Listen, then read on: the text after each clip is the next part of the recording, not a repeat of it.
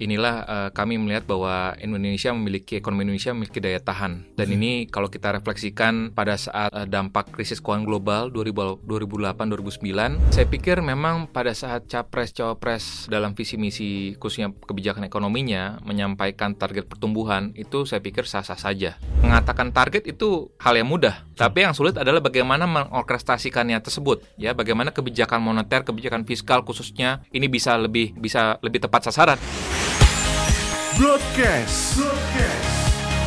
Bernas, luas, dan tuntas.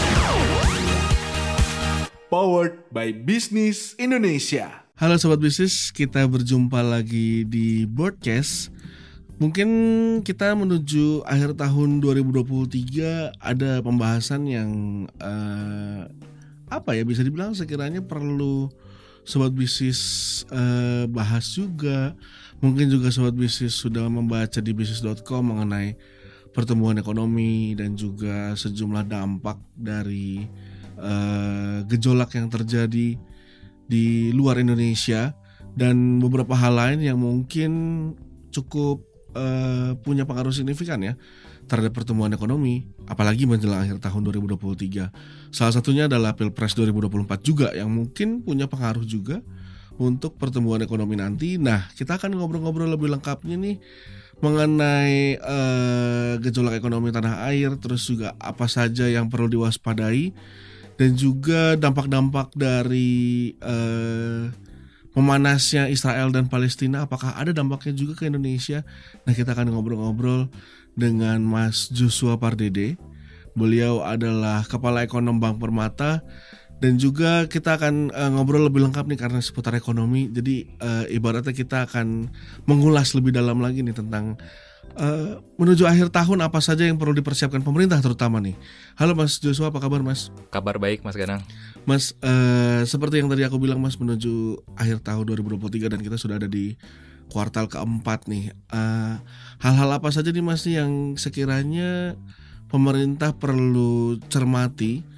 Terutama uh, pertumbuhan ekonomi, Mas. Yeah. Karena kan uh, dari Bank Indonesia sendiri sudah memproyeksikan sekitar 4 sampai 5 persen. Apakah mungkin sampai di 5 persen ataukah masih kurang melihat uh, bulan November ini karena kita syuting di bulan November nih sobat bisnis dirasanya masih belum menguat secara signifikan mas hmm. apa saja yang uh, bisa diwaspadai pemerintah terutama ya untuk uh, pertumbuhan ekonomi ini jelang akhir tahun, Mas? Ya, jadi kalau kita bicara terkait dengan pertumbuhan ekonomi uh, sampai dengan akhir tahun ini, kami uh, melihat perkembangan terkini ini masih menunjukkan tren positif okay. dari konsumsi domestik ya. Kalau kita ya, ya. bicara bagaimana kekuatan ekonomi domestik Indonesia, inilah uh, kami melihat bahwa Indonesia memiliki ekonomi Indonesia memiliki daya tahan. Dan okay. ini kalau kita refleksikan pada saat uh, dampak krisis keuangan global 2008-2009, pertumbuhan ekonomi Indonesia pun juga tetap tumbuh resilient atau tumbuh positif. Lalu juga di tahun ini pun juga sekalipun memang ada gejolak dari eksternal ya dari dari ya, ya. geopolitik dan juga perlambatan ekonomi global. Namun kami melihat bahwa data-data ekonomi domestik ya ini masih tetap mendukung ya. Artinya untuk di kuartal ketiga uh, pertumbuhan ekonomi masih berkisar di atas 5% ya, ya. dan secara keseluruhan untuk tahun 2023 ini pun juga kami tetap melihat potensinya untuk pertumbuhan tetap di kisaran 5%. Okay. Uh, sekalipun memang tantangannya di tahun depan tentu masih akan tetap kita hadapi ya. ya. Uh, terutama dari perlambatan ekonomi global. Uh, kalau kita mengacu kepada rilis report dari IMF, World Bank, dan juga OECD terakhir, ini menunjukkan indikasi bahwa lembaga internasional tersebut memproyeksikan bahwa ekonomi global tahun depan akan melambat. Okay. Dan ini tentunya akan uh, dan ini diproyeksikan misalkan pertumbuhan ekonomi China ya Tiongkok uh, tahun ini masih tumbuh 5%, tahun depan akan di bawah 5%. Lalu pertumbuhan ekonomi Amerika pun juga tahun ini masih berkisar 2 persenan, tahun depan akan di bawah 2 persen. Sehingga sedangkan kita ketahui bersama bahwa Amerika Serikat dan juga Tiongkok merupakan mitra dagang utama Indonesia ya, terbesar. Ya. Sehingga tentunya ini akan mempengaruhi lebih lanjut lagi kinerja ekspor Indonesia di tahun 2024. Ditambah lagi juga dengan terindikasi dengan normalisasi dari harga komoditas. Ya, sehingga tentu eh, kita melihat bahwa ada potensi ekonomi domestik yang tetap kuat namun dari sisi kinerja ekspor Indonesia di tahun depan memang akan apa akan berdampak ya dengan kondisi apa berlanjutnya perlambatan ekonomi Tiongkok di tahun depan sehingga uh, untuk tahun depan kami proyeksikan untuk pertumbuhan ekonomi pun juga masih akan uh, cenderung tadi ya masih di kisaran 5% namun akan ada downside risknya ataupun risiko ke bawahnya dari pertumbuhan ekonomi di tahun depan. Oke. Tadi uh, salah satu uh, faktor pendukung utama pertumbuhan ekonomi di tahun ini adalah uh, pertumbuhan domestik ya Mas ya. Apa, apa namanya? pembelian domestik. Artinya apa yang harus ditingkatkan uh, lagi nih oleh pemerintah mengingat tahun depan mewaspadai yang tadi Mas bilang uh, dari China terus juga dari Amerika Serikat supaya tetap stabil gitu Mas di Indonesia sendiri di dalam negeri. Ya, tentu kalau kita bicara terkait dengan konsumsi yang berkontribusi lebih dari 50% ya, 50 sampai 54% dari ekonomi Indonesia, tentu penting sekali untuk bisa menjaga bagaimana uh, kepercayaan konsumen ya. Okay, okay. Uh, bagaimana menjaga daya beli konsumen agar tetap dalam uh, kondisi ataupun level yang kuat ya dan tentunya kita melihat bahwa uh, apa faktor yang akan mempengaruhi di tahun depan adalah salah satunya adalah uh, inflasi. Ya, inflasi yang pertama uh, beberapa faktor pendorong inflasi di tahun depan antara lain berkaitan dengan misalkan dampak dari El Nino. Okay. El Nino yang memang uh, terjadi puncaknya di tahun ini, ini baru akan terasa dampaknya kepada inflasi pangan itu di uh, beberapa bulan ke depan ya. Artinya uh, dari puncaknya di bulan September misalkan berarti akan terjadi puncak eh, inflasi pangan itu di pertengahan tahun depan. Ya, sehingga itu yang pertama kita melihat bahwa eh, karena kalau kita melihat historikalnya eh, dampak dari El Nino itu memang akan ada eh, lagging time ataupun waktu penyesuaian ya. Jadi tidak seketika dampak dari inflasi pangan ini baru apa akan terasa. Jadi mungkin akan ada penyesuaian di sana. Sehingga itu ada pertama faktor inflasi, yang kedua juga kita melihat dari sisi ada potensi dampak dari penyesuaian uh, tarif uh, cukai ya, cukai plastik dan juga cukai minuman berpemanis dalam kemasan. Itu sudah tertuang dalam uh, nota keuangan APBN 2024 ya. Uh, dan belum lagi juga kita melihat ada potensi dampak uh, dari imported inflation ya dengan adanya kondisi penguatan dolar saat ini ini juga akan bisa mempengaruhi imported inflation.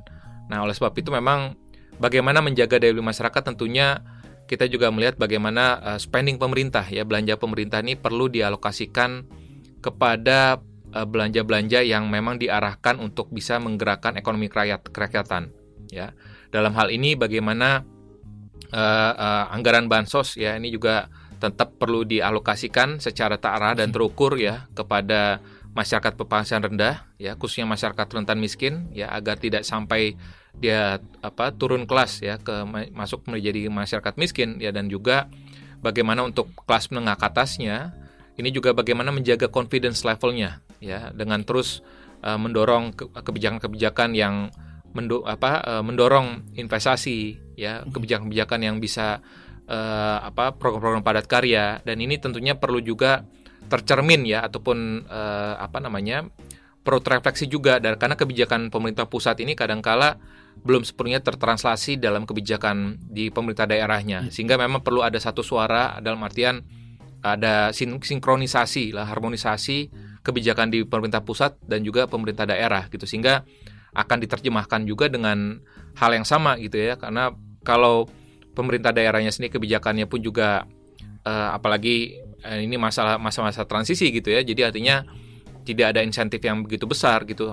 Justru malah ini akan bisa menghambat tadi ya uh, inisiatif dari pemerintah pusat kebijakan dari pemerintah pusat ini belum sepenuhnya tertranslasi dalam kebijakan pemerintah daerah yang yang produktif gitu. Sehingga itu yang makanya kita harus lihat bahwa uh, uh, kuncinya adalah bagaimana stabilisasi harga dan juga mendorong tadi program-program padat karya sehingga harapannya konsumsi masyarakat ini akan tetap terjaga karena kalau kita hitung secara matematis ya dengan konsumsi dari rumah tangga ini yang berkontribusi lebih dari, lebih dari 50%, kalau saja tetap di atas tumbuh 5%, tentu pertumbuhan ekonomi nasional kita pun juga akan tetap terjaga ya, okay. yaitu 5%. Jadi uh, kuncinya adalah bagaimana kita menjaga uh, konsumsi masyarakat ini agar tetap uh, apa terjaga. Dan secara khusus pun juga kalau kita melihat uh, di apa namanya menjelang pemilu ya ini juga kami melihat bahwa akan ada dampak positifnya ya belanja belanja apa kampanye ya dan juga Betul. dari sisi kegiatan partai politik dan juga uh, kampanye dari uh, apa namanya calon-calon legislatif dan juga calon uh, presiden dan wakil presiden. Sehingga ini tentunya akan bisa menggerakkan uh, perputaran uh, uang masyarakat ya sehingga diharapkan akan bisa mendorong konsumsi masyarakat seperti itu. Oke, tentu harapannya 2024 konsumsinya meningkat ya Mas ya karena melihat tadi pemilu tadi jadi eh, apa ya peluang tersendiri untuk konsumsi masyarakat.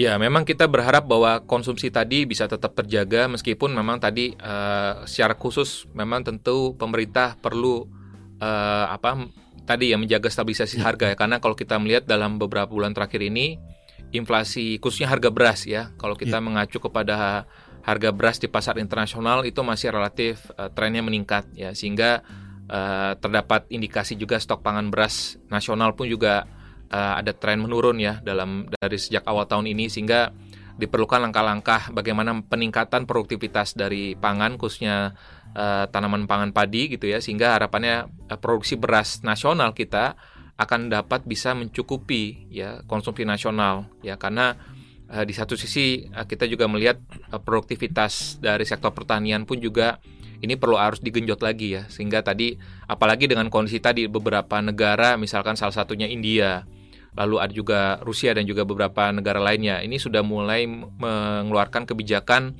untuk melarang ekspor khususnya pangan ya ekspor pangan. Artinya bagaimana ketahanan pangan ini penting sekali ya di tengah kondisi El Nino dan juga uh, geopolitik yang mendorong tadi deglobalisasi uh, internasional gitu. Sehingga tetap bagaimana ketahanan pangan, ketahanan energi dan juga bagaimana uh, swasembada ya dari sisi swadaya apa ataupun ekonomi kita uh, domestik kita ini memang tetap harus diperkuat ke depannya. Oke, selain eh, konsumsi domestik tadi yang eh, akan tertekan di 2024 kemungkinan adalah ekspor nih Mas yang tadi Mas bilang juga. Apakah neraca dagang masih akan surplus juga di 2024 nanti Mas? Ya, kami melihat tendensinya bahwa harga komoditas sudah menunjukkan tren yang menurun ya. Uh, Kalau kita melihat harga batu bara sudah di bawah 150 dolar per ton, lalu juga misalkan harga uh, CPO sendiri ya, CPO sendiri pun juga masih berkisar di antara 700 sampai dengan 800 dolar per ton. Di tahun lalu sempat di atas 1000 dolar per ton ya. Jadi tentunya kedua harga komoditas ini yang merupakan komoditas utama Indonesia dari sisi harga mengalami penurunan dan juga kita perlu memperhatikan tadi dampak dari perlambatan ekonomi Tiongkok. Ya, ekonomi Tiongkok ini juga memiliki dampak yang besar terhadap uh, ekspor kinerja ekspor Indonesia karena secara langsung ya ekspor uh, utama uh, tadi dari CPO dan batubara memang ditujukan ataupun kita ekspor ke Tiongkok atau China ya dan dengan tadi mempertimbangkan bahwa ekonomi Tiongkok saat ini kan lagi di lagi menghadapi juga ya krisis properti ya. Sedangkan sedangkan uh, kontribusi dari sektor properti di Tiongkok itu 30% dari ekonomi secara keseluruhan di Tiongkok sehingga kalau krisis properti di Tiongkok ini berpengaruh tentunya akan tertranslasi juga kepada perlambatan ekonomi Tiongkok yang sudah diprediksi oleh lembaga internasional sehingga karena kaitannya kalau kita melihat uh, sensitivitasnya ataupun dampaknya ini cukup besar ya. Uh, artinya setiap uh, karena kalau kita berdasarkan uh, hitungan kami setiap satu persen pertumbuhan kenaikan pertumbuhan Tiongkok ini berdampak cukup tinggi ya 0,1 persen ekonomi Indonesia ya sehingga pada akhirnya uh, kalau ditanyakan apakah trade balance kita masih akan surplus uh, kemungkinan masih surplus tapi mungkin akan mulai menurun ya surplusnya ya dan okay. trennya akan menurun uh, karena tadi dari sisi volume juga akan menurun dari sisi harga pun juga terus akan uh, menurun dan di saat bersamaan pun juga harga minyak mentah saat ini juga masih relatif uh, apa uh, tidak terjadi penurunan yang signifikan ya dibandingkan dengan CPO dan batu bara ya. Artinya stabilnya harga minyak mentah global ini internasional ini juga akhirnya mengindikasikan bahwa impor migas kita umumnya juga akan masih akan tetap tinggi ya. Artinya uh, di satu sisi tadi ekspornya akan menurun namun dari sisi lainnya impor migas kita ini akan cenderung uh, tetap tinggi ya sehingga itulah yang menyebabkan um, kemungkinan surplus perdagangan kita ke depannya akan uh, secara gradual akan menyusut. Namun uh, kami tetap melihat bahwa uh, mungkin ada satu komoditas yang bisa kita andalkan ya. Ini berkaitan juga dengan hilirisasi dari mineral dasar ya. Jadi kalau kita mengacu kepada bagaimana kinerja ekspor besi baja Indonesia ke China itu saat ini sudah menjadi yang uh, top komoditisnya ya. Sebelumnya kalau kita melihat sebelum kita menggalakkan hilirisasi dari mineral dasar ini uh, ekspor utama Indonesia ke China itu adalah pertama adalah uh, batu bara dan yang kedua adalah uh, CPO. Nah, sekarang sudah berbalik ya. Ekspor Indonesia yang terbesar ke Tiongkok saat ini adalah ekspor dari besi baja itu yang merupakan hilirisasi dari mineral dasar. Baru diikuti oleh komoditas uh, batu bara dan ketiga adalah uh, CPO. Sehingga harapannya kita melihat bahwa dengan adanya hilirisasi ini, ini juga menjadi kata kunci untuk mendorong hilirisasi di produk lainnya, ya. ya. Artinya bagaimana kita bisa meningkatkan nilai tambah dari ekspor itu. Karena kalau kita terus terlena mengekspor hanya komoditas mentahnya saja, tentu nilainya tidak akan bertambah dan juga akan sangat volatile, ya, akan mengikuti dari perkembangan harga komoditas globalnya. Sehingga kalau kita bisa mendorong hilirisasi sampai dengan produk hilirnya, tentu nilainya akan jauh lebih besar, ya pengalihan juga cukup tinggi dan uh, dampaknya pun juga uh, dari kinerja ekspor Indonesia ke depannya juga tidak akan terpengaruh cukup dalam cukup besar ya dengan fluktuasi di harga komoditas internasionalnya. Oke, kalau tadi uh, Mas bilang akan relatif uh, surplus tapi mengalami sedikit penurunan, apakah akan terasa ke sektor industri juga Mas nanti di 2024? Ya, kalau kita melihat dari sisi industri, tentunya uh, kaitannya tadi ya, mungkin bagaimana uh, yang menjadi perhatian adalah uh, ongkos produksi uh, industri ke depannya ya. Kalau kita melihat dengan adanya tendensi di mana harga energi masih relatif tinggi, ya tentunya dengan uh, di tengah uh, perkembangan geopolitik di Timur Tengah saat ini, tentu ini akan bisa berdampak juga ya namun yang perlu kita perhatikan juga bahwa sebenarnya kalau kita refleksikan di tahun 2022 yang lalu, sebenarnya pemerintah pun juga um, tetap memberikan quote and quote subsidi juga ya kepada ya. industri ya, misalkan dengan uh, tetap mempertahankan misalkan untuk harga batu bara untuk beberapa industri ya. Lalu juga uh, apa sektor-sektor industri yang prioritas ini juga tetap disupport oleh pemerintah dengan tidak adanya kenaikan misalkan harga gas industri misalkan. Ya. Lalu juga tadi harga semen juga dipatok ya, jadi tidak akan terpengaruh dan secara umum pun juga kami melihat misalkan dari sisi uh, apa namanya untuk harga di tingkat konsumen pun ya misalkan dari sisi uh, harga energi ya misalkan ini kan belum ada kenaikan signifikan ya untuk harga BBM pertalite hmm. ya nah jadi itu saya, pikir ini akan akan akan mendukung juga ya. Artinya dari sisi daya beli masyarakat tadi ya karena kalau misalkan daya beli masyarakat tetap terjaga mestinya tidak ada penurunan produksi dari sisi industrinya okay. ya. Sehingga uh, kalau tadi daya beli masyarakat sisi permintaan ini tetap terjaga mestinya pun juga produktivitas dari sektor-sektor ekonomi Indonesia secara keseluruhan pun juga diharapkan akan bisa bertahan ya. Meskipun tadi kita perlu cermati industri-industri yang memang uh, berorientasi ekspor tadi ya karena berorientasi ekspor misalkan produk manufaktur dari uh, tekstil garment, lalu alas kaki, ya, lalu juga kita bicara misalkan uh, manufaktur furniture, ya, uh, karet dan turunannya. Ini semuanya akan terpengaruh dari kondisi global ya, karena dia uh, sangat bergantung kepada pasar internasional. Namun kalau di sisi lainnya, industri-industri yang memang uh, berorientasi domestik, ya, misalkan makan minuman, ya, lalu juga kita bicara otomotif, ya, dan juga misalkan produk-produk uh, elektronik yang memang domestic economic oriented. Nah, ini dampaknya akan lebih marginal ataupun minimal ya dibandingkan dengan tadi sektor-sektor industri yang berorientasi ekspor. Jadi tentunya yang juga mungkin harus diperhatikan adalah uh, terkait juga dengan uh, perkembangan dari nilai tukar ya. Ini juga pasti pada uh, pelaku industri yang tadi yang konten impornya besar tentunya ini akan terpengaruh juga gitu ya. Jadi tapi uh, tentunya dengan berbagai uh, kebijakan ataupun uh, apa namanya strategi bisnis seperti misalkan lindung nilai itu juga diharapkan akan bisa membatasi ya memitigasi risiko-risiko yang ada di pasar keuangan sehingga tidak berdampak kepada kinerja bisnis ataupun industri secara umum dan mungkin kalau kita kaitkan dengan uh, dengan adanya penguatan dolar saat ini ini justru menjadi salah satu momentum ataupun timing yang baik untuk kita menggalakkan atau mendorong lagi uh, sektor pariwisata misalkan. Ya, sektor pariwisata ini karena pada saat kondisi dolarnya menguat, uh, tentu ini akan menjadi daya tarik ya untuk wisatawan mancanegara untuk masuk kembali ke Indonesia gitu. Karena kalau kita lihat tren dari sektor pariwisata ini belum sepenuhnya pulih ya, khususnya beberapa wisatawan dari negara Tiongkok ini belum kembali normal ya seperti sebelum pandemi. Sehingga momentum ini perlu dimanfaatkan dimanfaatkan lebih lanjut lagi dan juga ya tadi sebenarnya kalau kita lihat dari eh, dengan adanya penguatan dolar saat ini tentu ini menjadi insentif ataupun uh, apa dampak positif ya pada sektor-sektor yang berorientasi ekspor juga ya karena di satu sisi uh, apa namanya untuk komoditas ya yang memang masih mengandalkan uh, apa namanya ekspor ya sehingga uh, nilai value ekspornya pun juga masih akan tetap terjaga. Sehingga makanya tadi kami sampaikan bahwa kaitannya kepada neraca perdagangan memang masih akan uh, apa masih akan mungkin tercatat surplus tapi cenderung akan menurun ya dari dibandingkan dengan 2022 dibandingkan dengan tahun ini.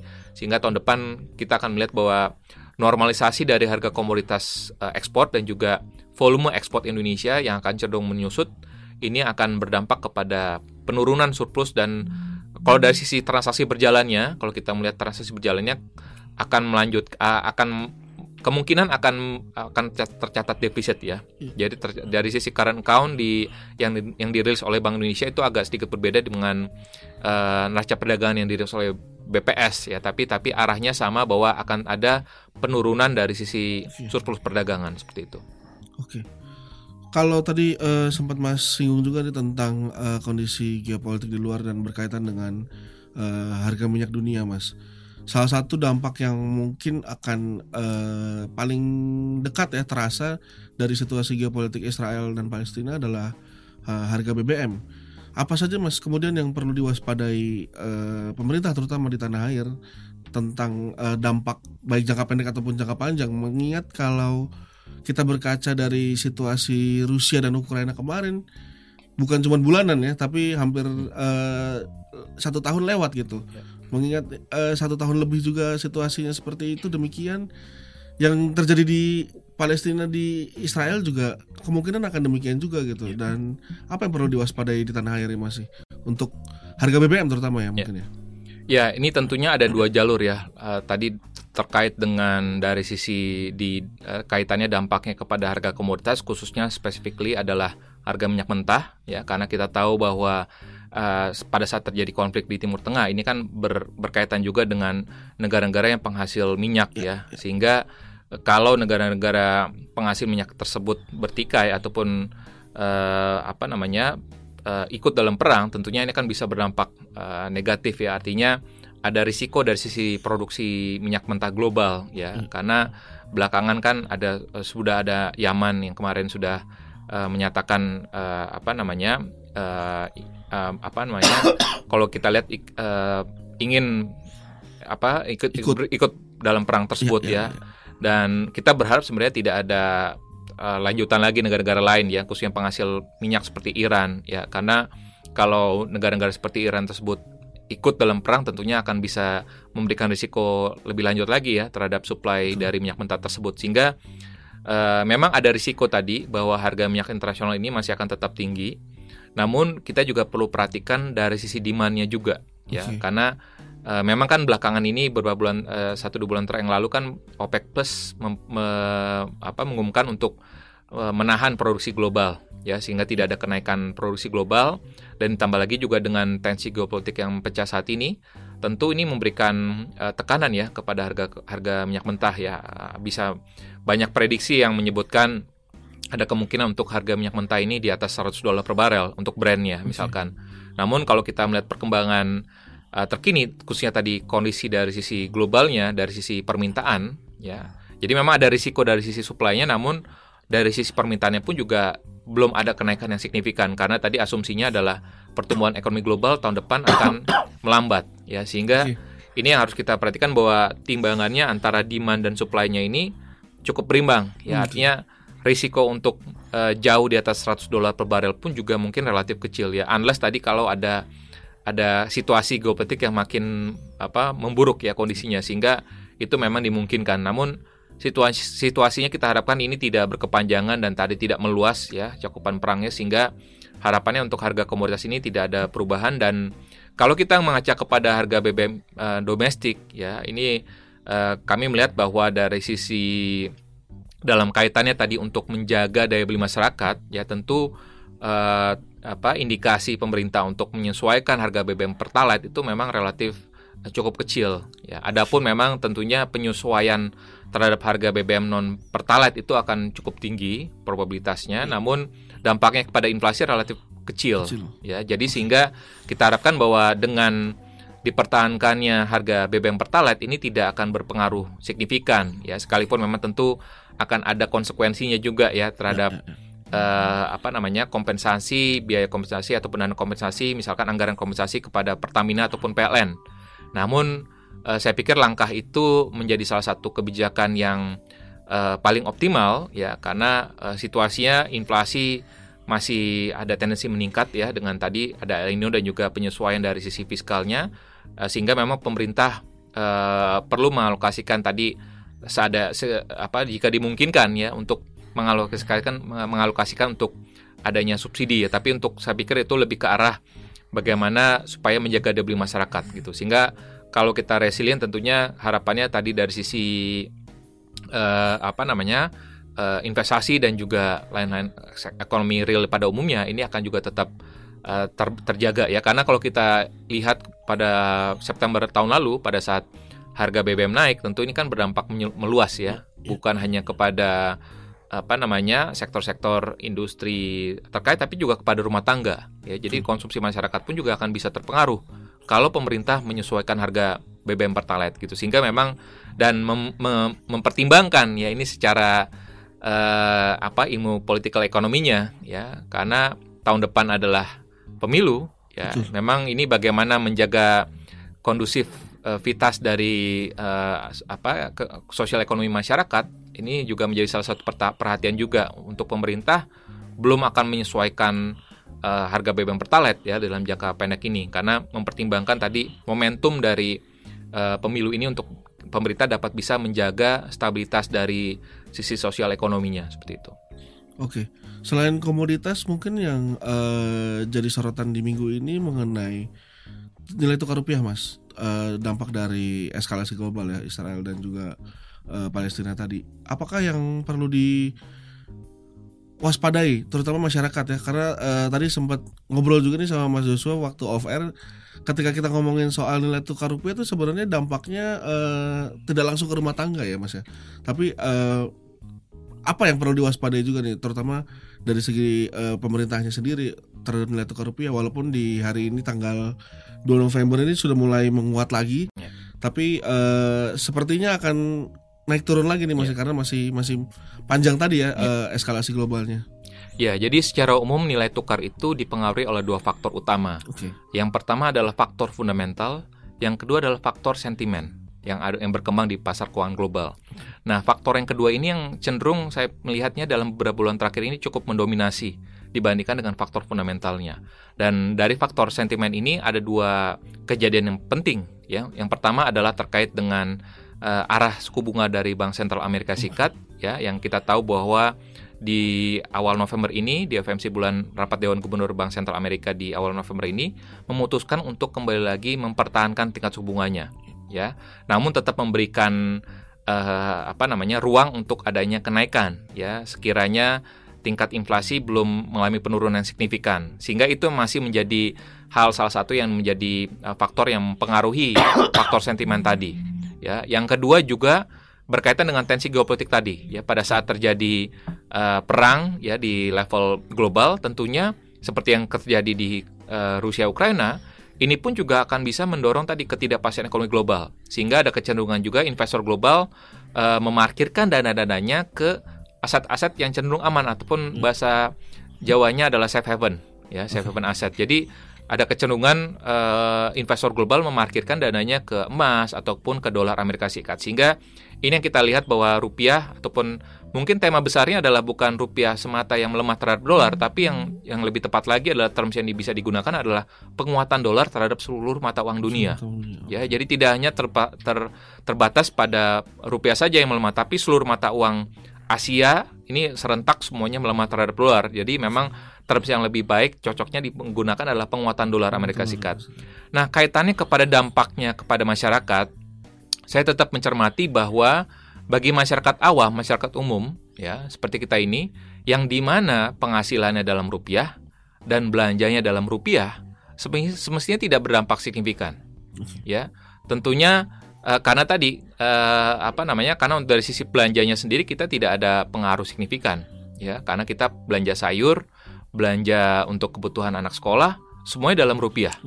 Ya, jadi tidak perlu ada yang harus dikhawatirkan sangat uh, apa namanya sangat signifikan ya. Artinya dengan kondisi rupiah ini, ya, karena itu yang perlu harus kita perhatikan karena mungkin yang harus akan berdampak mungkin ya ada beberapa tadi kaitannya kepada eh, barang-barang uh, yang uh, barang-barang impor ya. ya barang-barang impor ini tentu dari sisi konsekuensinya nanti akan ada dampaknya dengan adanya penguatan dolar tadi. Artinya akan da dampaknya imported inflation namanya. Ya imported inflation inflation ini akan bisa uh, berdampak apabila tadi barang-barang konsumsi uh, masyarakat yang kontennya konten impornya besar ada kecenderungan trennya harganya meningkat. Sehingga pada saat dikonsumsi akhirnya terrefleksi pada inflasi tadi. Nah, namun ini pun juga sudah dimitigasi oleh Bank Indonesia dengan keputusannya di rapat Dewan Gubernur bulan Oktober yang lalu, Bank Indonesia memutuskan untuk menaikkan kembali suku bunganya menjadi 6%. Ya, jadi ini di satu sisi ini untuk menjaga stabilitas rupiah dan di saat bersamaan pun juga untuk mendorong tadi terjaganya imported inflation ya untuk memitigasi agar imported inflation ini tidak meningkat akibat penguatan dolar tadi ya sehingga uh, sekali lagi kami uh, meyak, apa, meyakini bahwa dampaknya kepada masyarakat umum ini tidak besar ya mungkin yang bes, yang dampaknya besar ini adalah tadi misalkan apabila kita mengkonsumsi barang-barang impor ya uh, ataupun uh, tapi pun juga kan itu juga dari sisi uh, manufaktur ataupun produsennya pun juga ini kan cukup membatasi ya. Artinya dampaknya penyesuaian dari uh, penguatan dolar dan juga mungkin ada kenaikan harga biaya produksinya tidak tertransaksi langsung ya kepada harga konsumen sehingga uh, sehingga tidak ada uh, kita harapkan tidak ada kenaikan harga-harga uh, produk impor yang signifikan sehingga makanya dampaknya sekali lagi bagi masyarakat yang memang penghasilan dalam rupiah dan juga belanja dalam rupiah saya pikir tidak berdampak signifikan dan tentunya Bank Indonesia eh, kami meyakini terus berada di pasar untuk menjaga agar stabilitas rupiah ini tetap eh, tetap dalam level yang terjaga ya artinya sehingga dapat bisa mendorong momentum pertumbuhan ekonomi Indonesia ke depannya. Oke, artinya sobat bisnis yang hari-hari belanja pakai rupiah Gak usah khawatir-khawatir amat lah ya Dalam waktu dekat ini Nah, uh, kita masuk uh, pertanyaan terakhir masih yang berkaitan erat dengan uh, kondisi ya pemberitaan sebulan terakhir inilah ramai banget tentang pilpres. Terus juga sudah ada namanya capres cawapres ya pasangannya sudah ada. Dan kemudian uh, sejauh ini kalau kita bicara soal gagasan ekonomi masih sedikit uh, apa ya kurang nendang kayaknya ya kalau bahasa bahasa saya sendiri kurang apa ya kurang maksimal. Banyak yang masih uh, terlalu apa ya terlalu banyak berteori mengenai uh, ekonomi itu sendiri nih. Dan terbarunya adalah uh, beberapa pasangan capres baru menyebutkan angka ya angka untuk ibaratnya uh, optimisme mereka ketika nanti terpilih jadi presiden akan pertumbuhan ekonominya akan sekian persen. Realistis gak sih mas? Kalau kita bicara soal angka nih, karena ada yang bilang uh, di atas 5 persen. Ya salah satunya capres Ganjar Pranowo dan juga uh, Mahfud MD, pasangan Ganjar Pranowo dan Mahfud MD 7 persen. Terus Prabowo Subianto dan juga Gibran itu 7 persen juga ya 7% juga ya mungkin kisaran 7% kurang lah ya 5 sampai 7% lah ya. Dan Pak Anies dan Muhaimin Iskandar masih belum yakin ya keyakinannya masih kurang masih sekitar 6%. Kalau Mas melihat sendiri apakah realistis ketika kita bilang 7% dan apakah pesimis kalau kita bilang 6% tadi tuh Mas? Ya, saya pikir memang pada saat capres cawapres eh, dalam visi misi khususnya kebijakan ekonominya menyampaikan target pertumbuhan itu saya pikir sah-sah saja. Ya, ya, ya berapapun ya. angkanya yang yang come up itu saya pikir sah-sah saja. Yang terpenting adalah bagaimana merealisasikannya. Betul. Ya, yang terpenting adalah bagaimana menerjemahkan kebijakan-kebijakan pemerintah ke depannya untuk bisa mencapai angka itu. Terutama kebijakan ekonomi ya, Mas. Ya? Betul, kebijakan ekonomi. Karena kalau kita lihat target mengatakan target itu hal yang mudah. Tapi yang sulit adalah bagaimana mengorkestrasikannya tersebut, ya, bagaimana kebijakan moneter, kebijakan fiskal khususnya ini bisa lebih uh, bisa meng, apa ber, uh, bisa lebih tepat sasaran artinya. Kebijakan-kebijakan apa saja yang harus dikeluarkan oleh pemerintah untuk bisa mendorong misalkan UMKM ya. Produktivitas tenaga kerja bisa meningkat lagi ya. Jadi yang terpenting bagaimana tadi untuk bisa menjaga apa namanya daya beli masyarakat. Jadi yang terpenting adalah bagaimana uh, mentranslasikan target tersebut dari terhadap kebijakan-kebijakan yang akan dikeluarkan. Karena kalau kita uh, apa namanya business as usual saja memang ya 5% itu it's a, uh, apa it's a good number juga ya. Karena kalau kita bicara negara-negara ma maju lainnya pertumbuhan 5% itu udah sangat wow. Tapi yang kita targetkan adalah 2045 kita bisa keluar dari jebakan masyarakat negara berpenghasilan menengah, middle income trap. Ya, untuk itu kita memang perlu mencapai pertumbuhan rata-rata sampai dengan 2040 itu sekitar 6 sampai 7 persen. Ya, Nah, yang terpenting adalah mungkin uh, bukan angkanya lagi sekali lagi, tapi bagaimana kita menggerakkan produktivitas nasional tadi, meningkatkan produktivitas nasional. Ya, bagaimana sektor manufaktur misalkan, saya nggak menyebut uh, siapa pun capres cawapres ya, tapi hanya dari sisi kebijakannya, saya melihat bahwa pem, uh, pemerintah berikutnya per perlu menitik beratkan bagaimana kembali lagi mendorong uh, reindustrialisasi. Okay. Ya, karena kalau kita melihat datanya saat ini misalkan industri manufaktur itu yang kuenya paling besar ya namun pertumbuhannya di bawah pertumbuhan nasional artinya masih belum optimal di sini ya untuk industri manufaktur nah artinya perlu ada kebijakan-kebijakan lanjutan supaya industri manufaktur ini bisa berkembang lagi investasi di sektor manufaktur ini bisa berkembang lagi ya karena kalau kita bicara setelah krisis 9798 industri manufaktur ini terus mengalami penurunan kuenya ya. Share-nya terhadap perekonomian itu terus menurun. Sehingga perlu ada langkah-langkah lebih lanjut lagi sehingga uh, dan perlu diarahkan lagi kepada uh, industri-industri manufaktur yang padat karya ya. Karena tentu kalau kita bisa karena kaitannya adalah bagaimana kita bisa meningkatkan penyerapan tenaga kerja ya. Produktivitas dari perekonomian itu bisa dinilai juga dari sisi penyerapan tenaga kerjanya ya. Kalau penyerapan tenaga kerjanya uh, cukup rendah misalkan pertumbuhannya tinggi itu pun juga sama aja ya nggak akan bermanfaat tinggi gitu tapi yang perlu dipikirkan adalah bagaimana mengejar pertumbuhan tinggi, iya, namun juga bagaimana e, dari sisi penyerapan tenaga kerja pun juga bisa meningkat. Dan pertumbuhan tinggi juga ini harus dirasakan juga oleh seluruh saudara-saudara kita di seluruh Indonesia. Merata ya, ya. Merata, pemerataan pembangunan ini harus dirasakan ya. Jadi bukan hanya pertumbuhan tinggi tapi yang hanya dirasakan oleh di Jawa saja, tapi juga di luar Pulau Jawa harus merasakan hal yang sama, pembangunan itu. Di Kalimantan juga perlu merasakan pembangunan, di Sulawesi, Maluku, Papua juga merasakan pembangunan. Jadi semuanya merata dan itu kalau ada pemerataan pembangunan dan juga harapannya tadi pertumbuhan ekonomi tinggi, itu memang idealnya seperti itu. Tapi memang kadangkala uh, di satu sisi tadi uh, pemerintah tadi perlu mungkin dari dalam hal kebijakan industrinya ya, uh, mungkin tadi perlu menyasar kepada sektor-sektor ataupun industri yang memang notabene adalah padat karya dan juga memiliki uh, apa namanya competitiveness dalam produk ekspornya ya di pasar internasional ya. Jadi uh, fokus saja kepada sektor-sektor itu saja gitu. Jadi tidak perlu kita uh, memberikan insentif terhadap semua industri ya karena ada ada beberapa industri juga yang mungkin sudah sudah apa namanya sudah saturated gitu ya ataupun sudah uh, sunset, tapi juga ada masih beberapa sektor industri yang memiliki potensi besar sehingga dan uh, memiliki competitiveness daya saing ekspor di pasar ekspor internasional yang besar, ini memang harus diprioritaskan. Dan yang terpenting lagi adalah tadi bagaimana uh, kualitas dari SDM-nya, ya. Itu saya pikir yang harus di, kembali dilanjutkan dalam artian uh, peningkatan produktivitas ini harus ditingkatkan lebih lanjut, ya. Karena uh, permasalahan dari tadi masuknya investasi di manufaktur tadi yang terhambat itu juga salah satu faktornya adalah bagaimana produktivitas tenaga kerja Indonesia saat ini ini cenderung uh, relatif kalah ya dibandingkan dengan negara-negara di ASEAN bahkan di Vietnam ya. Okay. Makanya oleh sebab itu pada saat 2019 pada saat terjadi perang dagang antara Amerika Serikat dan Tiongkok yang mendapatkan keuntungan adalah Vietnam karena berbagai industri pabrik-pabrik dari uh, China ini merelokasikan pabriknya ke Vietnam. Hmm. Ya karena apa? Karena dari si produktivitas uh, produktivitas tenaga kerja Vietnam lebih bagus dengan costnya yang lebih murah hmm. juga. Ya, jadi itulah mungkin yang harus kita tingkatkan bagaimana kita meningkatkan dulu kualitas SDM-nya, ya.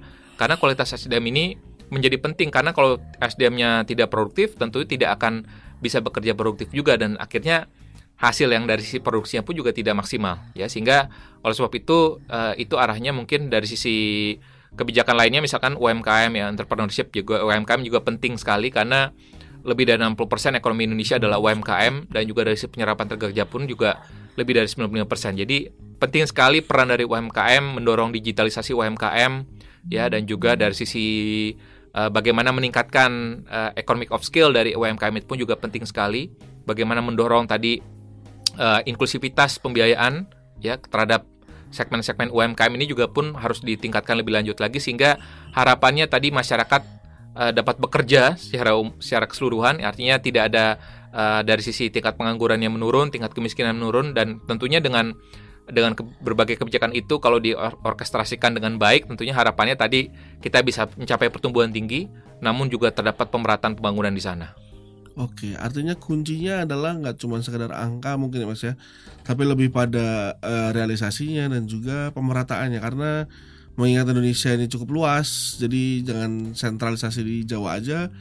Apalagi IKN sudah mulai berlanjut prosesnya, tentu harapannya uh, meluas lagi gitu ya. Di Kalimantan juga ikut uh, terbangun infrastrukturnya terutama Kalimantan dan pulau-pulau lain juga ikut terbangun infrastrukturnya dan juga semakin merata juga perekonomiannya yeah. di daerah-daerah. Dan mungkin kata kuncinya adalah hilirisasi juga. Okay. Ya. Hilirisasi ini adalah bagaimana kita di satu sisi tadi. Hilirisasi juga ya, Mas? Ya tentu. Hilirisasi ini adalah salah satu terobosan saya pikir. Okay. Uh, eh, karena kita uh, dalam ber, selama berpuluh-puluh tahun terakhir ini kita terlena ya, yeah, yeah, yeah. tidur dalam mimpi kita ya. Selalu kita mengekspor komoditas mentah saja.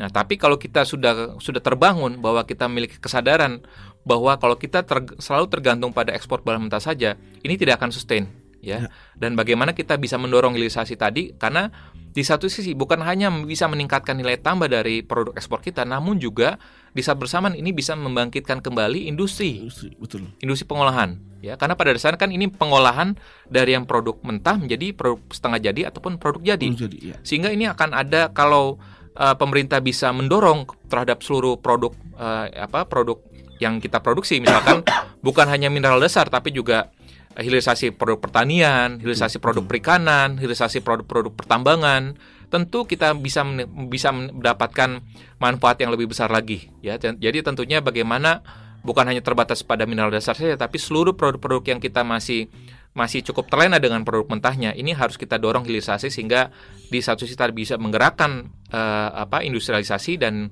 yang uh, sisi berikutnya adalah bisa mendorong nilai tambah dari ekspor komoditas kita.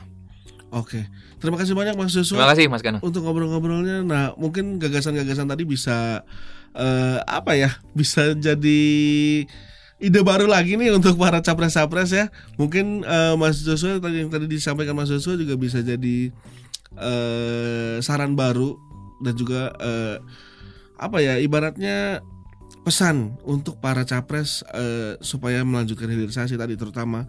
Terus juga uh, ada ide-ide baru lain atau hal-hal lain yang berkaitan dengan ekonomi yang tentu bisa nggak hanya cuma angka tapi balik lagi ya tadi ya juga mendorong uh, pemerataan ekonomi dan juga uh, mendorong SDM SDM Indonesia juga jadi lebih berkualitas lagi. Itu dia. Semoga bisa jadi uh, mungkin sedikit pe, uh, pesan dan juga gagasan-gagasan lain ditunggu juga ya untuk uh, para capres-capres yang akan bertanding di 2024 nanti supaya mengingat kembali kalau ternyata gagasan perekonomian itu cukup penting juga sebenarnya ya dan kita masih menunggu gagasan-gagasan ekonomi lain yang uh, menarik dan juga yang bisa uh, jadi apa ya jadi acuan nih untuk masyarakat bisa memilih siapa capres terbaiknya versi mereka. Oke, terima kasih sekali lagi Mas Joshua untuk Terima kasih Mas Terima kasih sobat bisnis yang sudah menyaksikan episode ini.